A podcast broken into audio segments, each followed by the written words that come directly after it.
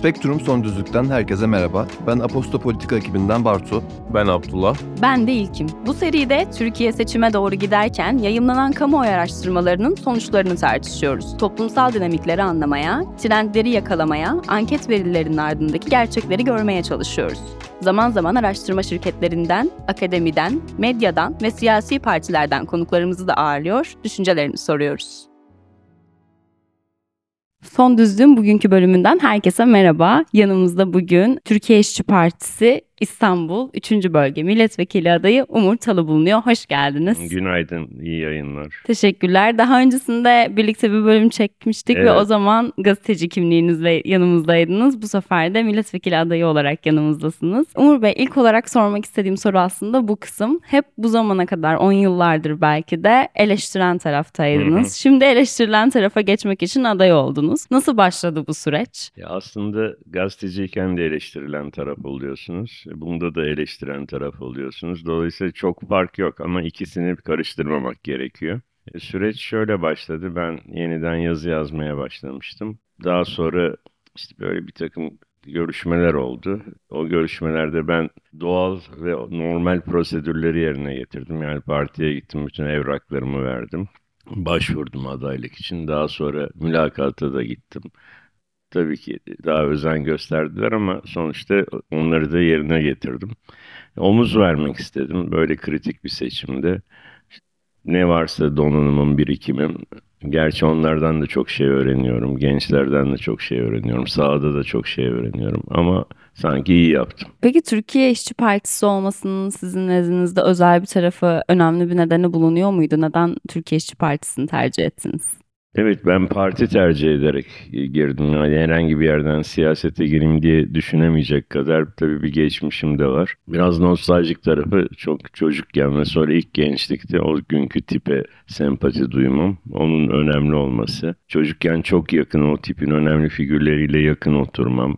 Aynı mahallede hatta. E, şimdi de Dört milletvekilinin performansı önemliydi benim için. İçtenlikleri önemliydi. Bir de sırtında hiçbir yumurta küpesi olmayan, hiçbir vesayet altında bulunmayan, e, yarın öbür gün birilerinin özel bir şey talep etmeyeceği ama aynı zamanda bütün acıları bu ülkenin, bütün sorunlarını, bütün insan hallerini kapsamaya en yatkın gördüğüm parti. Hakikaten de öyle. Bu benim yazılarımda da yapmaya bir şey- çalıştığım bir şey. Dolayısıyla benim geçmişimle bu partinin geleceğini bir yerde hani buluşturmak istedim. Bu yolculuğun içinde olmak istedim ben. Ee, Erkan Baş daha öncesinde şöyle bir ifade kullanmıştı. Ee, biz realist bir partiyiz, hükümete değil biz ana muhalefete oynuyoruz demişti. Bu yorumuna katılıyor musunuz siz de? E tabi iktidar partisi olamayacak kadar genç bir parti. E, Türkiye'de zaten kolay değil bu tür partilerin iktidara gelmesi ama elbette uzun vadede hedefi iktidar olacaktır. Elbette hedefi uygunsa iktidar e, koalisyonlarının içinde bulunmak olabilecektir.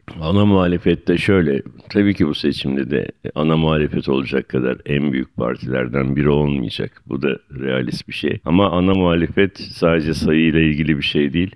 Yani bir reisiniz, bir başkanınız elinizi kaldırın, indirin diyorsa siz zaten vicdani, bağımsız bir muhalefet milletvekili değilsinizdir. Ama dört milletvekilinin gösterdiği gibi siz gerçekten hakiki sorunların, sahici insanların sesi oluyorsanız bu ana muhalefettir, temel muhalefettir, çok e, özünde gerçek muhalefettir. Tipe yönelik biliyorsunuz ki listeler açıklandığı zamandan bu yana bir eleştiri mevcut. Bu da oyları böleceği iddiası. Özellikle Emek ve Özgürlük İttifakı içinde şimdi Yeşil Sol Parti olarak adlandırdığımız HDP'nin listeleriyle ayrı liste çıkarmanız uzun bir süre eleştirildi. Hala zaman zaman gündeme geliyor. Bununla ilgili daha önce farklı programlarda da yorumlarınız olmuştu ama ben yine de sormak istiyorum. Bu eleştiriyi doğru görüyor musunuz? Niye ayrı bir e, listeyle girmeyi tercih ettiniz? Bunun altında ne neden yatıyordu? Şu anki durum ne? Tabii bu karar süreçlerinde ben yoktum görüşmelerde ve mutabakatta da ama mutabakatın ne olduğunu biliyorum. Mutabakat bugünkü durum yani bugünkü durum mutabakatla varılmış bir durum. Birçok yerde tip seçime girmiyor. Hatta iddialı olabileceği Ankara, İzmir'in bazı bölgeleri gibi. Bunun bir kere bir mutabakat olduğunu bildikten sonra bence geriye dönmemek lazım. Ama ikincisi ben dün de önemli bir yerel dernekte anlattım. Oyları bölmek değil belki de arttıracak bir şey bu.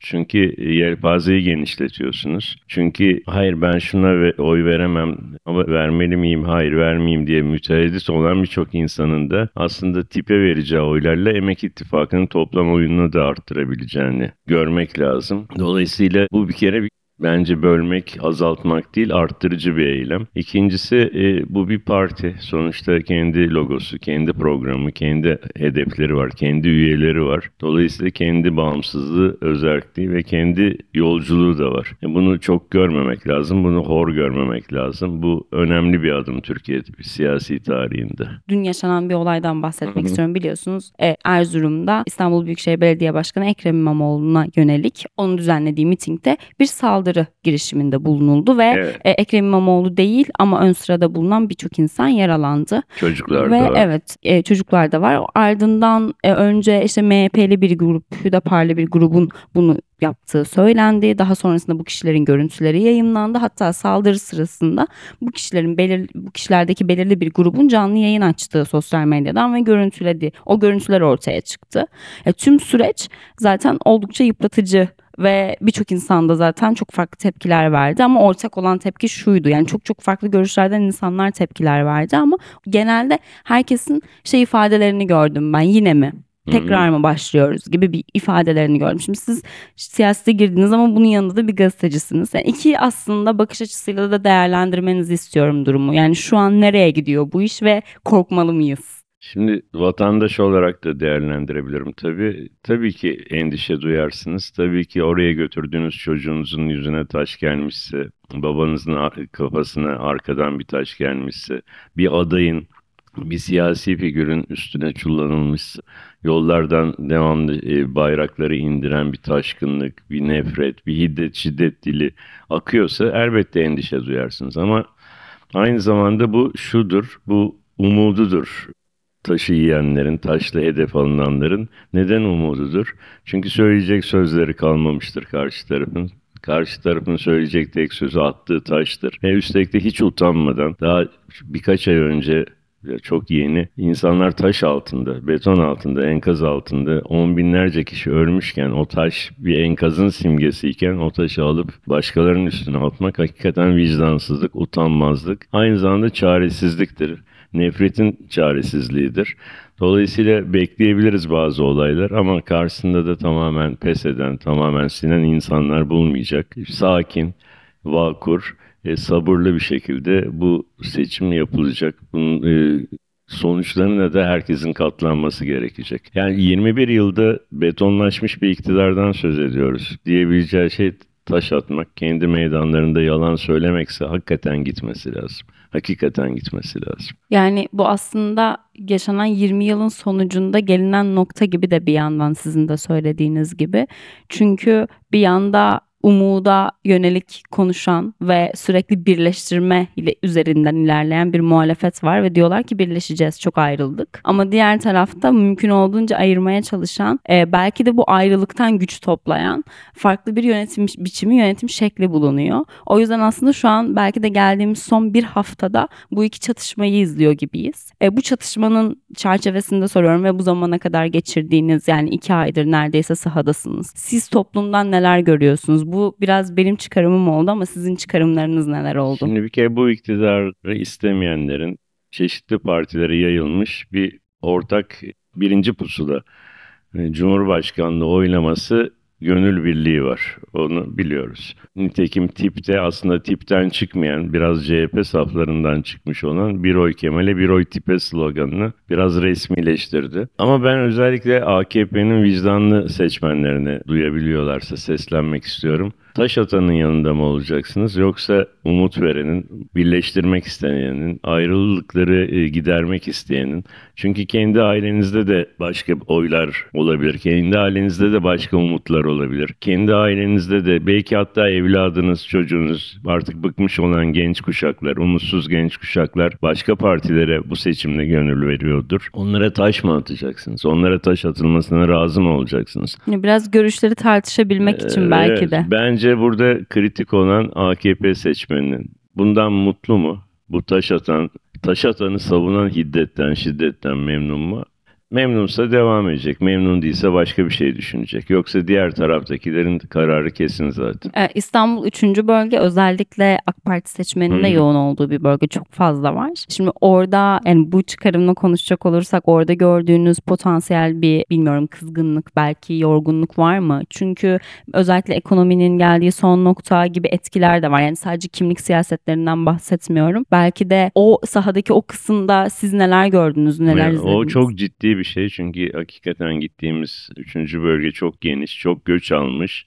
Çeşitli gelir seviyelerinden de insanların bulunduğu ama İstanbul sayılan ama İstanbul'un da ayrı bir şehri gibi hatta birkaç şehri gibi olan bir bölge. Bir kere şunu gördüm. İnsanlar sakin. Yani bugüne kadar bir hiddet, nefret, çok AKP'ye hala reisine inansa bile hani onu yansıtan hiç kimse görmedik. Yani en fazla bildiri almıyor. Ben istemem diyor. Benim oyun belli diyor. Buna da saygı duyuyorum. Ama aynı zamanda şunu gördük. Çok sayıda tesettürlü kadını. Kadınlar çok cesur. Kadınlar erkeklerden daha cesur. Çünkü canı yanıyor. Yani evladını alıp alamadığı şeyin hesabını o biliyor. Gelecekle ilgili endişeleri en çok onlar duyuyor. Çok cesur bir şekilde sokağın ortasında evet ben oyumu 20 yıl böyle böyle verdim ama artık bıktım. Artık bir şey değişsin. Ben artık bu salatalığı taneyle almak istemiyorum. Kendisiyle alay edildiğini de biliyor yani patates soğan meselesiyle togalın denen bir zihniyet var. Koyun eti yiyen diye bir zihniyet var. Koyun etinin kaç lira olduğunu bile düşünmeden.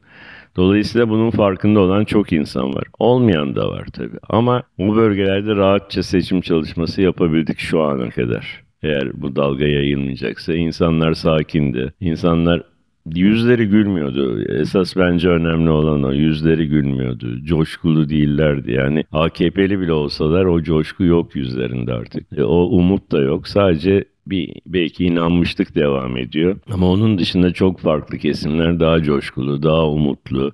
Gençler özellikle yani anne baba belki yıllarca bu partiye, iktidar partisine oy verdi. Gençlerin birçoğunun da kopma eğilimi görüyorum ben. Şöyle bir soru sormak istiyorum Umur Bey. Şimdi aslında bizim iktidar tarafında yani Cumhur İttifakı'nda daha doğrusu gördüğümüz iki veya üç konulu bir seçim çalışması var.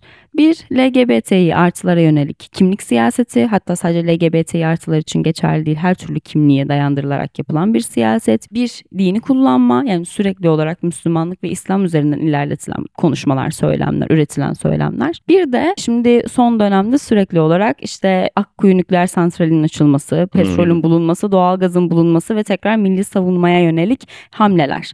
Bu üçünün ben e, tabanda nasıl bir etkisi olduğunu çok merak ediyorum. Sizin gözlemlerinizi merak ediyorum bu noktada. Çünkü dediğim gibi yani çalıştığınız bölgeler aslında İstanbul için kritik önemde olan yerler. Orada bunların bir karşılığı var mı? Özellikle din e, çok uzun zamandır kullanılan bir şey. Şu anki etkisi nedir bunların? Bence hala etkisi olabilir. Yani küçümsememek lazım. Ben ona artık kimlik değil kinlik siyaseti diyorum. Çünkü bu iki, yani ilk saydığınız iki madde kin ve nefrete dair şeyler.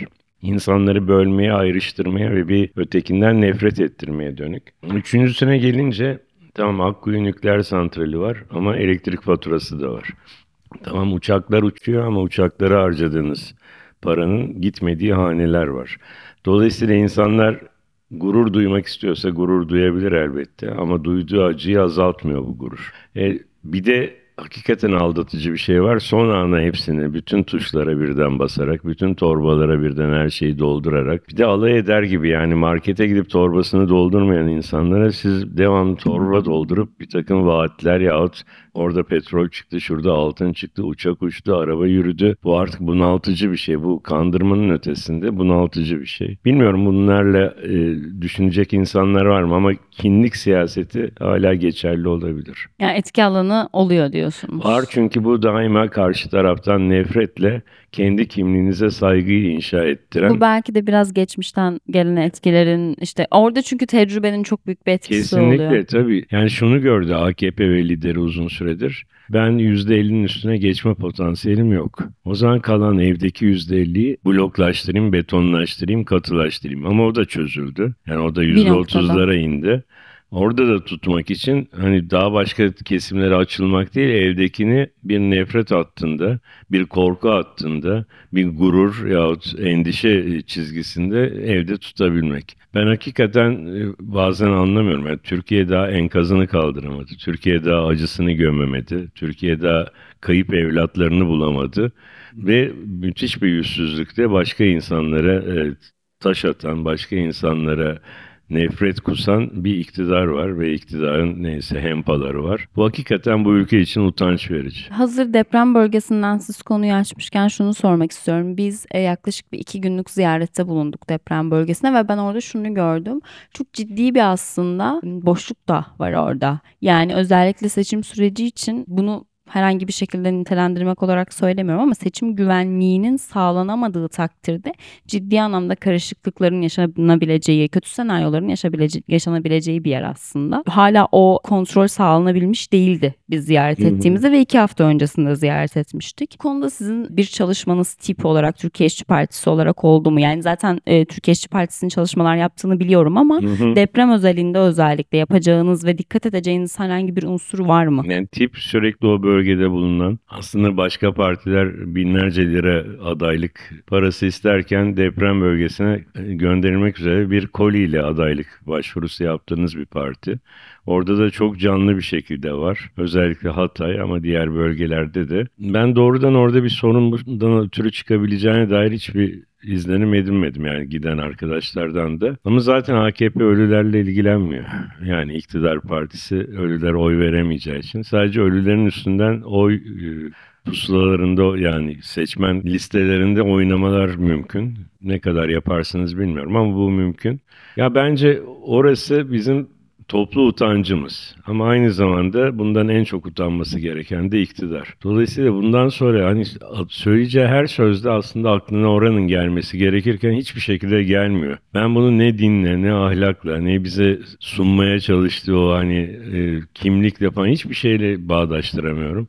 Bu nefretle siz bu kadar ölünün üstünde yürüyemezsiniz yani. Bu nefret sizi de alır götürür. Götürür ve iktidardan da bu şekilde gidersiniz. Çünkü herkesin bir acısı var. Bugün İstanbul'da yaşayan ben gittiğim bölgede soruyorum insanlara. Diyor ki Adıyaman'da 5 yakınımı kaybettim diyor. Yani oradaki her ölünün Türkiye'de en az 100 karşılığı var. 100 acısı var. Eğer çabuk unutmuyorsak. Çabuk unutmuyorsaktan da aslında ben mülakat yaptığım her e, adayla konuşuyorum bunu soruyorum merak ettiğim için size de bu soruyu sormak istiyorum. Şimdi olası bir senaryoda gerçekleşti ve milletvekili oldunuz ve meclise girdiniz. Özellikle şu sorunla ilgileneceğim. Önce bunu çözeceğiz. Önce buna odaklanacağız dediğiniz herhangi bir şey var mı? Bir konu var mı? Şimdi burada tipin konumunu da anlatayım biraz. Benim anladığım konumunu ve paylaştığım konumunu. Tip meclise girerse, 4 milletvekilinden daha fazlasıyla girerse bu çok güçlü bir ses olacak demektir. Hele grup kurabilirse. 20 milletvekili yani evet, değil mi? Hı hı. 20 milletvekili. Şimdi bu şu demek ve %3 ortalama oy en az. Kemal Kılıçdaroğlu da başkan oldu diyelim, cumhurbaşkanı oldu ve bu sistem bir süre daha sürecek. Kendisi bir hükümet kuracak, başkanlık hükümeti diyelim. Bir takım vaatleri var Kemal Kılıçdaroğlu ama kuracağı hükümette bir koalisyon var. Bunu yadırgamıyorum ama sonuçları konusunda soru işaretlerim var. Yadırgamıyorum, bu gerekliydi, kabul ediyorum bu ittifak soldan sağa. Ama sonuçları açısından endişem var. Bir endişe söyleyelim hemen. İstanbul Sözleşmesi'ni vaat etti Kemal Kılıçdaroğlu. Muhtemelen İyi Parti de destekleyecektir.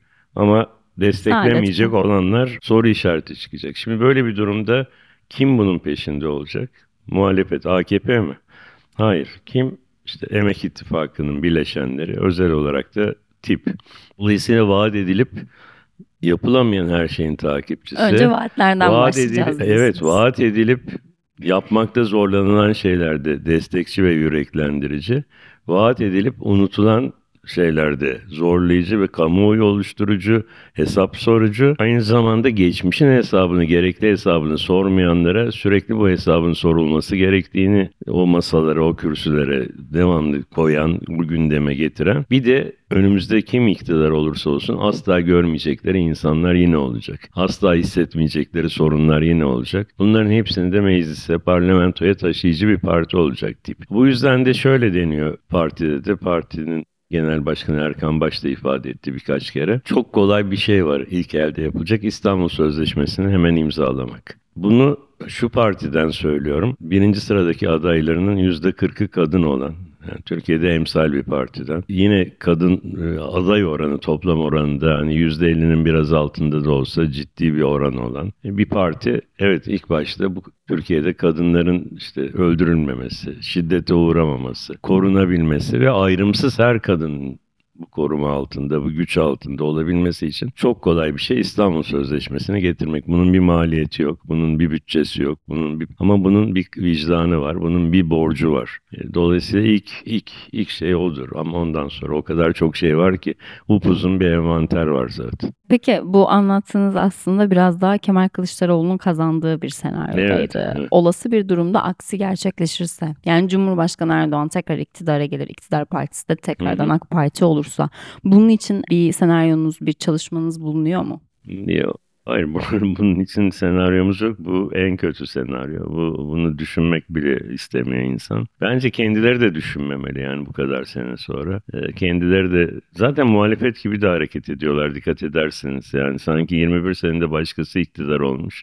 Bir sürü sorun yaratmış ve bunları AKP iktidarı ve Erdoğan çözecekmiş gibi bir havaları da var. Bu çok pişkin, kurnaz bir hava. Bunu, bunu hakikaten yiyen var mıdır bilmiyorum ama bunu yapıyorlar. Bunda da ne olacak? Yani bunda da hakikaten tipin güçlü olması lazım. Yani 4 milletvekilini gördü bu toplum. E, bunun 20 olduğunu düşünün. Yani inanılmaz bütün komisyonlara giriyorsunuz. E, şu anda hiçbir bir yerden yardım almayan, kendi yağıyla kavrulan, o gençlerin kendi ücretinden keserek çalıştığı bir partiden söz ediyoruz. Belki o zaman hani maddi açıdan işte hazine yardımına hak kazanabilirse daha da güçlü olacak. Tip her halükarda bu ülkenin ana muhalefeti olacak. Ana derken ana muhalefet hakikaten bir annenin yüreği gibi sürekli acılarla, acıları bilen, unutmayan ama aynı zamanda hedef gösteren, çözümlerin çok zor olmadığını da hatırlatan bir parti olacak. Hakikaten zor değil.